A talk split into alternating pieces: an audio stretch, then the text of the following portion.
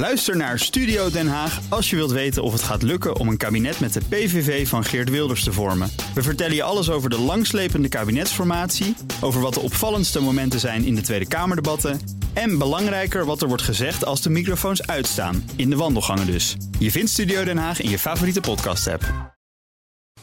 De column van Jaap Jansen. Nee, er was absoluut geen sprake van crisis, bezwoer CDA-leider Sibrand Buma gisteren na twaalf dagen oneenigheid in de coalitie over het asielbeleid. Crisis? Welke crisis? We moesten binnenskamers lachen om het woord crisis, zei D66-fractievoorzitter Rob Jetten. Nee, geen kabinetscrisis, onderstreepte VVD'er Klaas Dijkhoff.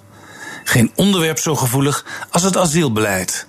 Het vorige kabinet, Rutte 2 van VVD en Partij van de Arbeid, sneefde bijna op de bed, bad en broodcrisis, de opvang van uitgeprocedeerde asielzoekers. Deze keer ging het over het kinderpardon. In de kabinetsformatie van Rutte 3 al een struikelblok. De VVD wilde er vanaf, D66 en ChristenUnie wilden het versoepelen.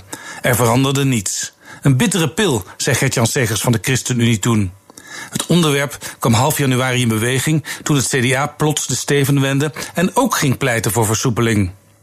ChristenUnie-Kamerlid Joël Voordewind, die in de formatie met heel veel moeite uiteindelijk accepteerde dat het pardon bevroren werd, liep na de ommezwaai van het CDA door de wandelgangen van het parlement onder het roepen van Yes, we can. De VVD wees naar het regeerakkoord en deed niets. We moeten de VVD ook wat geven, klonk het bij de andere partijen. Maar wat? Het eerste waar ze op kwamen was versnelling van de procedures. Het werd de basis voor de oplossing. Toen de onderhandelingen daadwerkelijk begonnen, bleek ook de VVD nog wel wat te wensen hebben. Resultaat: er komt nog één keer een groot pardon en daarna niet meer. Dat hoeft ook niet, want kinderen krijgen geen kans meer zich in Nederland te wortelen. De procedures worden immers versneld. Een generaal pardon of een kinderpardon Elke keer als het als oplossing uit de hoge hoed kwam, zou het absoluut de laatste keer zijn. De allerlaatste keer. Een jaar of wat later begint de discussie opnieuw. De procedures versnellen. Daar hadden ze het al over onder premier Ruud Lubbers, nu 30 jaar geleden. Onder Wim Kok klonk de roep opnieuw. En onder Jan-Peter Balkenende en nu dus onder Mark Rutte. Sommige dingen veranderen nooit. Voortaan is er veel eerder duidelijkheid, juichte Segers toen de vrede getekend was.